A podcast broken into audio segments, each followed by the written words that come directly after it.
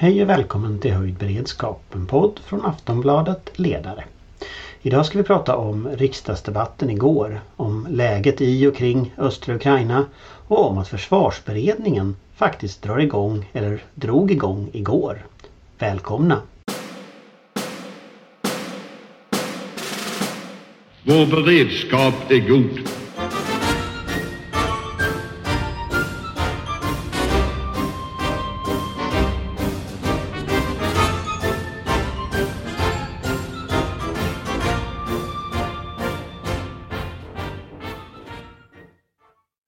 Ja, hej! Eh, då sitter vi här i våran inte-studio.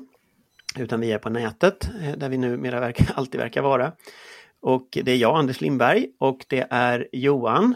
Viktorin, VD för Intel Group. Och Patrik. Från eh, tankesmedjan Frivärd och som lystrar till efternamnet Oksanen. Och även Patriks hund som inte läsarna kan se men som är väldigt stor och ligger på Patrik just nu framför Patriks mikrofon. Och därför så, och sen kommer Amanda om en liten stund här. Och sen så därför börjar jag ge ordet till Johan som inte har en stor hund sittande på sig. Eh, och läget vi tänkte prata om idag är naturligtvis situationen eh, säkerhetspolitiskt. Och vi har ju sett en situation där, där vi har sett cyberattacker i Ukraina. Vi har sett uppgifter från Ryssland om att man drar tillbaka trupper. Amerikanerna har, har dementerat detta. Vad är det som händer om vi tittar på det säkerhetspolitiska läget Johan? Och då får du ta på dig din hatt som ja, överstelöjtnant Johan Viktorin då lite grann och förklara eh, så här, rita och berätta. Vad är det som händer? Vad ska vi titta på? Nej, men, vi ska titta på att det pågår en dans här. Det skiljer sig lite grann i strategier där eh, vi i västvärlden oftast är vi, när, när, vi är duktiga så klarar vi av att få ihop mål, medel och metoder. Men Ryssland eh, tillägnar sig en annan där presidenten Putin har ju faktiskt ett, någon form av bälte i judo där man liksom räknar in eh, motståndaren också så att man formar en dans egentligen. Eh, för att låna den franske generalen Buffs ord, att det gäller att behärska så dynamiken, växelverkan som uppstår mellan parter som avgör sina inbördes konflikter med maktmedel. Och det är Ryssland ganska duktiga på. Ryssland är också ganska svåra att läsa. Så här har vi fått se eh, de tillfällen där man har lyckats så har ju USA börjat med att läcka ut underrättelseinformation som man förut höll tätt in till brösten. Man alltså räds inte att visa att vi kan sitta på och lyssna på era kommunikationer. Eh, och det är det, så vi ska tolka de här sakerna som pågår i den publika arenan med att man försöker påverka med hjälp av information att vi vet att ni håller på att planera någonting här. Eh, och på det sättet då försöker att avskräcka från eh, anfall. Nu är jag ju inte övertygad att det kommer lyckas. Vi har ju nu sett eh, några saker som har pågått Det är ju att det ryska parlamentet har har eh, deklarerat att och vädjat till presidenten att han ska erkänna, att Ryssland ska erkänna de här så kallade utbrytarrepublikerna i eh, Ukraina, som vi alla vet är ryskt styrda, ryskt influerade. Eh, och han har dröjt lite grann med svaret. USA har levererat sitt svar idag Eh, till eh, eh, ryska utrikesdepartementet angående rysk, de ryska ultimativa kraven som ställdes den 17 december. Och det var väldigt mycket att försvara principerna och så. Och Ryssland har redan kommenterat detta, att det här var ett helt oacceptabelt svar från amerikansk sida. Eh, och att man passade dessutom samtidigt på att utvisa den biträdande ambassadören, den amerikanska biträdande ambassadören, ut ur Ryssland på stridsfältet, där pågår det ju då förflyttningar och det måste man ju hålla ögonen på. Där kör man runt med fordon på olika sätt, eh, och konvojer och vad det verkar som, den bilden jag har utifrån det man kan få från öppna källor, det är att egentligen så marscherar man upp till utgångsläge för anfall helt enkelt. Och det är då man ska se den kontexten att man går ut och pratar om folkmord i Donbass och eh, pekar på eh, olika slags explosioner och beskjutningar som då ska ha skett här under kvällstid, nattetid i, idag. Eh, och då tar man eh, det finns ju då, ligger i farans riktning att man tar detta till intäkt för att öppet eh, gå in då med stridskrafter i Donbassområdet där man redan är, men alla försöker att loss, inte låtsas om det.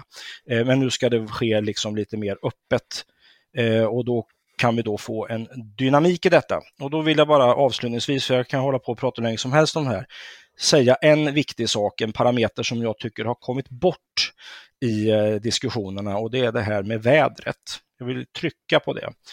det här har vi liksom blivit invaggade från olika håll att, att det är eh, det måste vara tillräckligt fruset och det är så mycket lera och sådana saker. Men då måste man komma ihåg att, att utveckla eh, sin anfallsförmåga och sin försvarsförmåga, det är alltid relativt.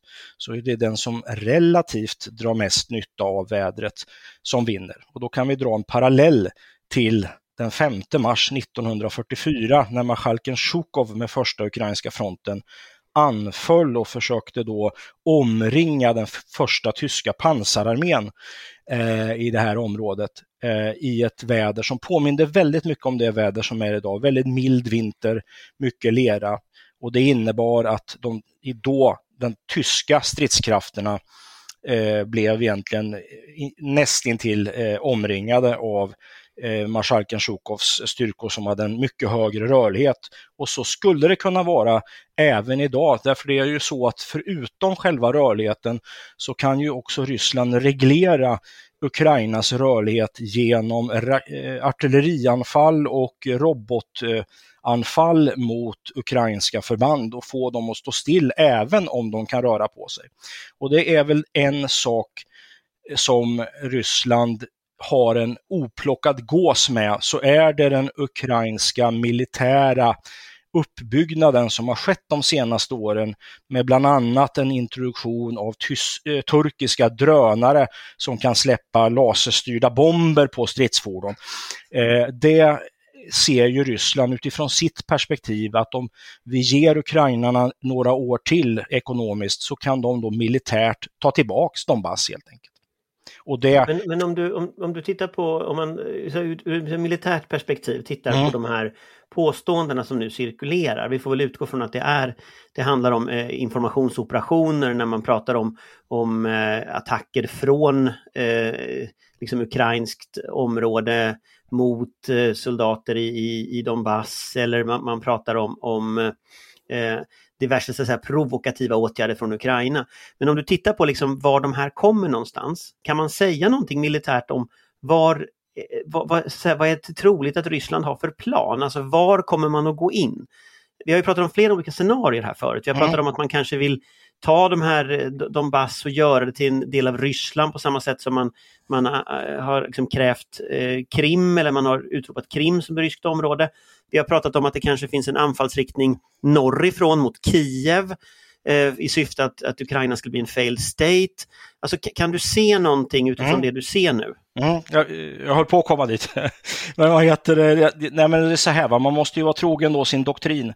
Gerasimov och hur de tänker det är inte riktigt att binda upp ryska styrkor i ett stort, stort fälttåg. Det, det tror inte jag att de tycker gynnar deras intressen, utan här handlar det om att med minsta möjliga medel åstadkomma största möjliga effekt. Cyberattacker, subversion och i första hand att ta det här området Donbass. Därför att då har man en hävstång, för det gör ju de facto omöjligt för NATO, eh, Ukraina att bli NATO-medlemmar. Och det skulle till och med kunna vara så att man skulle kunna acceptera en en förhandling och dra sig ur och sätta dit en fredstrupp från något annat land i det där området. För det skulle ändå innebära en hävstång mot Ukraina hela tiden för framtiden. Så att eh, de här 175 000 som vi nu ser uppställda överallt eh, runt om Ukraina. De kväver ju Ukraina med sin blotta närvaro. Ukraina kan inte flytta sina militära styrkor. De måste ha styrkor som blockerar ett anfall mot Kiev. De kan liksom inte hjälpa till i östra Ukraina, så att det enda de har som de kan röra på, det är den ukrainska reserven och den finns då väster om floden Dnepr i Dnepr bäckenet kan man säga då vid Dnepropetrovsk, eh, där det också finns högteknologisk industri och sådana saker. Och där kan man tänka sig att i samband med ett sådant anfall mot Donbass, att Ryssland passar på att försöka damma till de ukrainska styrkorna och de ukrainska fabrikerna som klarar av att reparera flygplan och, och sådana saker.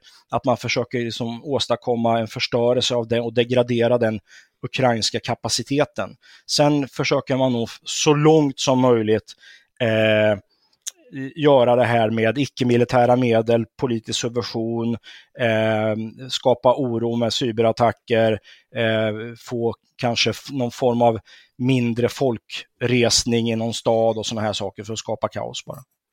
Om man tittar på, på eh, det, det scenario som du skisserar nu, att man det var ju parlamentet i var det förrgår som, som sa att, att man, ska, man ska erkänna på något sätt de här eh, så kallade utbrytarrepublikerna då.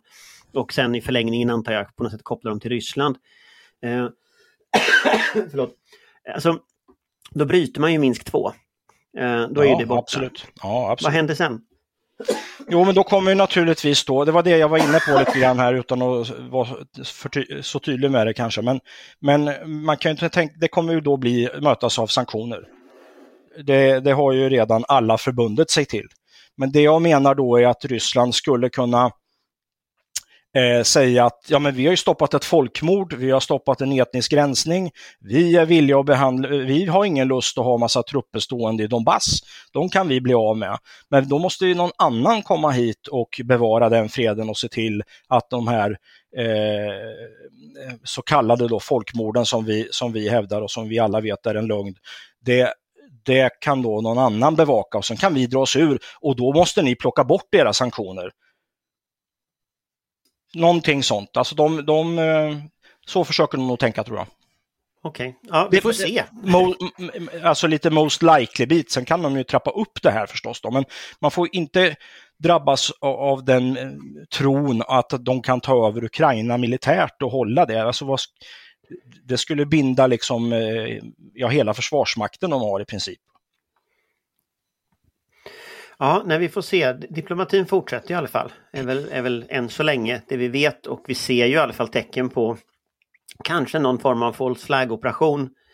Det vet vi ju inte än. Uh, I kombination med cyberoperationer får vi se vad, vad, vad dagordningen är. Det verkar som den har börjat i slow motion i alla fall.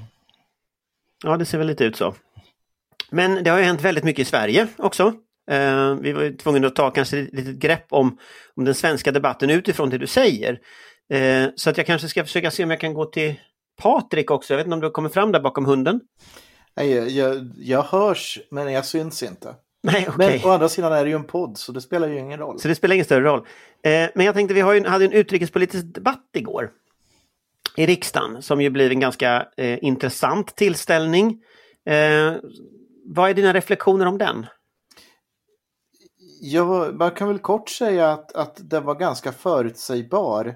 Ehm, och eh, så. Eh, och eh, några saker som jag noterar på, på, på så att säga lite, lite, lite så här udda kontot, eller udda ska jag inte säga, men Sverigedemokraterna har fortsatt svårt att hantera den här frågan kring Ryssland. Eh, och eh, här var det ju då utifrån eh, då hur partiet har röstat i Europaparlamentet och det kunde inte deras utrikespolitiska talesperson hantera riktigt i, i debatten. Eh, och, och, det andra är ju den fortsatta låsningen i diskussion kring NATO-option mellan regeringen och, och oppositionen. Så det är väl de, de två sakerna som jag tycker sticker ut där. Annars så var det väl rätt, rätt mycket förväntat. Ja, Johan? Nej, jag håller med i det Patrik säger. Eh, kan väl bara notera att jag tycker att det är lite det blir lite dålig optik av regeringen faktiskt. Av två skäl. Det ena är att eh, dels så har ju då Ulf Kristersson tonat ner det här med NATO-optionen, det är ganska tydligt, utan tittar mer på hur man ska förstärka försvaret. Och sen har Aftonbladet en intervju med den ryska ambassadören Tatarintsev som går loss eh, på, på helsida. Eh, och då, då lägger liksom regeringen till en mening som säger att vi inte avser att söka medlemskap i NATO. Eh, det hade man inte förut. Det tycker jag är en dålig optik. Det blir lite onödigt och eh, i en tid när det är viktigt att vi håller samman. Eh, och det gäller ju då ansvarstagande både från regering och opposition att, att hålla den här nationella borgfreden i säkerhetspolitiska frågor. Uh, nej men jag håller väl med om, om herrarnas analys här. Uh, man säger ju rätt saker man, men frågan är ändå, Ukraina ligger ju ganska långt bort. Det är trots allt inte Finland som är under direkt hot. Det finns geografiska och kulturella skillnader. Men jag upplever ändå att man kanske har svårt att uppfatta, förstå och korrekt väga det oerhörda i det som sker. Hur nära oss detta är. Eh, hur hårt drabbat det ändå är i ett land i vårt, vårt absoluta närområde, Europas absoluta närområde, på väg in i, Eh, i sin egen önskan och förhoppningsvis i den europeiska gemenskapen och, och eh, förhoppningsvis på sikt även till exempel i NATO-gemenskapen. Att man inte reagerar mer än man gör. Man säger rätt saker, man säger dem på rätt ställen. Eh, men, men detta är ett sånt oerhört läge och sånt, och sånt oerhört säkerhetshot både mot Ukraina och den europeiska säkerhetsordningen och oss själva. Så att det inte får större plats och, och en kraftigare reaktion känns ändå märkligt. Eh, det är på något sätt fortfarande som det som händer liksom bortom den, den mentala järnridån inte riktigt rör oss. Så jag tror att vi behandlar aggressiviteten mot Ukraina på ett annat sätt än vi hade gjort om det i många andra länder. Och det, det, är farligt både för Ukraina och för Europa och för oss själva om vi inte förstår det hot vi, vi står inför just nu.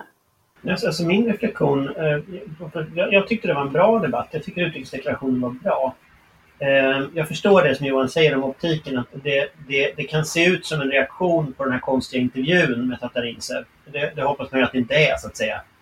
Eh, men däremot så, själva fundamenta där upplevde jag ändå, med undantag av Sverigedemokraternas konstiga, liksom, konstiga debatt, så upplever jag ändå att det finns en slags samsyn i riksdagen idag.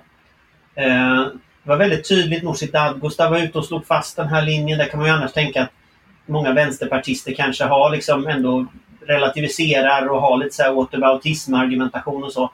Hon var ju glasklar eh, på Twitter och har gått ut och så. Eh, och det märks ju så tydligt tycker jag på, på ett parti som Vänsterpartiet när Håkan Svenneling som då är utrikespolitisk talesperson pratar om Ryssland. Då ansluter han sig till en svensk linje. Men när han pratar om Venezuela då hamnar han helt ut i tangentens riktning och kan liksom inte skilja på demokrati och diktatur och rör ihop allting. Liksom. Så att det känns ändå som en tydlighet att alla partier är med. Och jag, jag fick nästan känslan av att Sverigedemokraterna ändå lite skämdes när de stod där eh, över hur de hade röstat i Europaparlamentet och sådär. Så det, det, var svårt för, för Aron Emilsson att, att svara. Han, han och, och Wallmark hade ju ett väldigt underhållande replikskifte tyckte jag om det. Eh, men där Sverigedemokraterna inte, de klarar inte av liksom, hantera situationen. Så det är väl de som är liksom luckan i det här resonemanget, eh, tycker jag.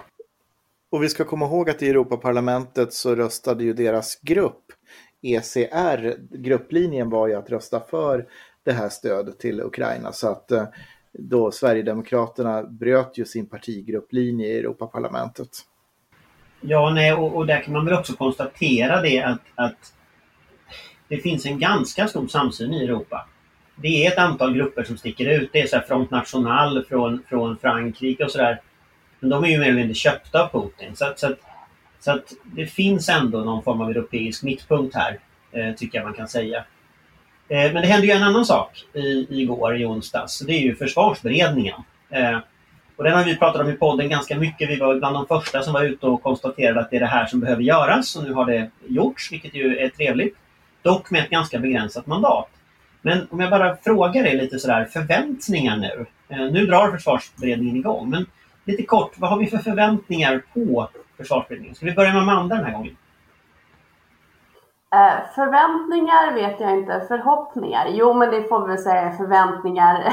förväntningar ändå, vad man, man, man, borde kunna förvänta sig. Och det är just att inse hur oerhört allvarligt läget faktiskt är.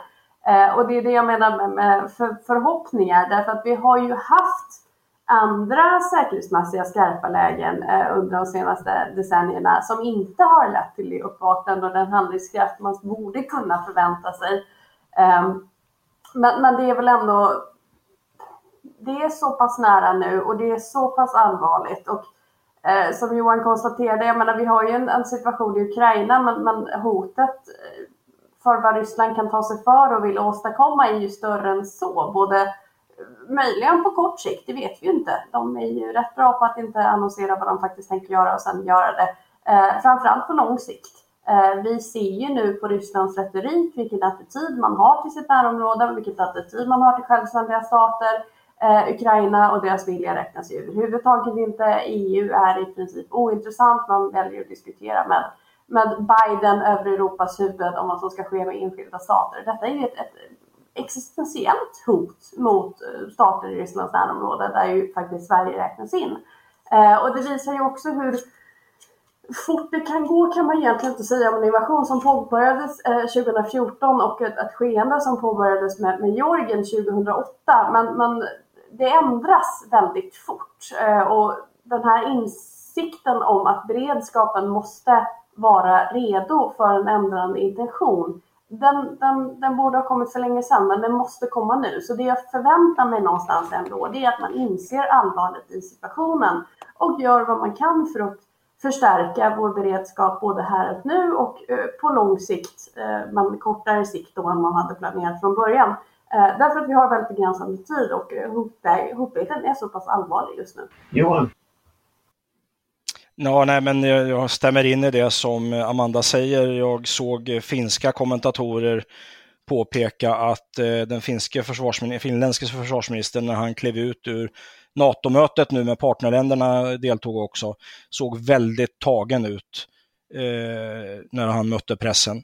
Eh, och vi kan se exempelvis hur britterna annonserar att de ska flytta stridsfordon till Estland och sådana här saker. Så att det är, för att knyta till det som Amanda eh, pratade om innan här, att det här är större eh, än vad vi liksom tror. Och det är väl frågan om vi ser alltså en, eh, eh det här kommer delvis eh, byta fokus på en, en eh, halv politikergeneration egentligen, eh, det som eh, vi står inför egentligen. Därför att det är lätt att säga att vi har en europeisk säkerhetsordning, men den måste ju försvaras och den måste ju försvaras till slut med vapen i hand. Och det tror jag inte så många har riktigt klart för sig. Det kommer alltid med en kostnad. Patrik? Ja, jag var ju i början av veckan i Tallinn och eh, hade samtal bland annat då med eh, då det estniska utrikesutskottets ordförande Marko Mikkelsson som i förra veckan var i Moskva, träffade presidentens säkerhetsrådgivare och en hel del annat folk. Och eh, eh du nämnde ju Estland där tidigare och eh, britterna ska ju förstärka med 850 man. Eh, Estland har lagt till 300 miljoner euro i sin försvarsbudget. Eh, det motsvarar ungefär 3 miljarder kronor. Det gör lilla Estland som ligger på, redan på 2% sedan tidigare och är då på väg uppåt från 2 mot, mot 2,3% av BNP i försvarsutgifter. Eh, det ska vi jämföra med utgångsbuden i den svenska försvarsberedningen eh, inför de samtalen. Regeringen 0 kronor omförflyttning inom ram. Moderaterna 3 miljarder kronor, alltså lika mycket som esterna redan har fattat beslut om att höja. Och Sverige är ju lite större än Estland och har ju lite större behov än Estland. Så att eh, om vi pratar förhoppningar så hoppas jag att nu till helgen att eh, Ulf Kristersson hittar sin inre Bagge och Magdalena Andersson hittar sin inre Hansson. Eh, jag syftar då, då på partiledarnas företrädare som då var partiledare på 30-talet. Eh, som 1938 klarade av att fatta ett beslut när man såg att 1936 års försvarsbeslut inte var tillräckligt. Med att man då la till nästan halva försvarsbudgeten i en engångsinsats 1938. Eh, det är det jag hoppas på, men eh, jag förväntar mig nog inte att de hittar så mycket av Bagge och Hansson i sig. Än. Johan hade någon kortis där. Nej, men jag, jag svarade ju inte på frågan om vad jag förväntar mig. Det var det jag insåg. Det var ett skickligt politikersvar Johan. Ja, nej, men precis. Nej, men allvarligt talat så eh, jag är nog lite mer optimistisk där. Jag tror man kommer närma sig den moderata linjen. Man kommer nog titta på personalbitar och höja den övningsverksamhet och sånt. Det kan man göra inom innevarande år. Materielen har vi ju, den är alldeles för rigid och där pratade jag med Patrik häromdagen som hade ett bra förslag om att lösa upp ramarna lite grann så att man kan flytta pengar mellan år och sådana saker och inte bli fast.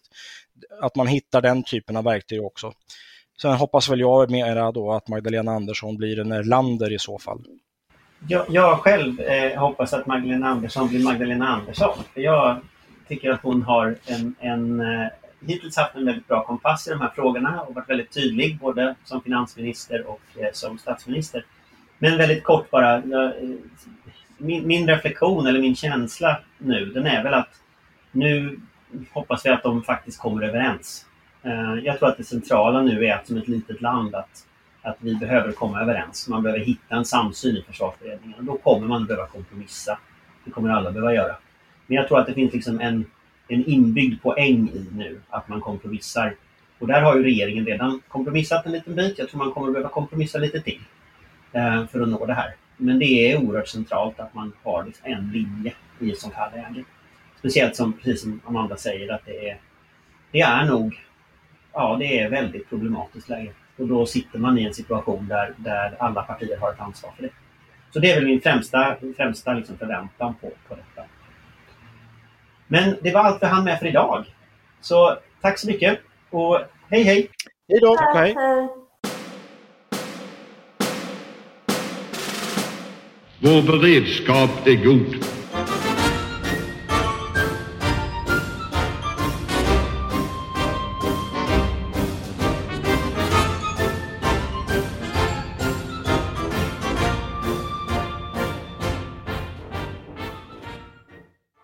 Du har lyssnat på en podcast från Aftonbladet. Ansvarig utgivare är Lena K Samuelsson.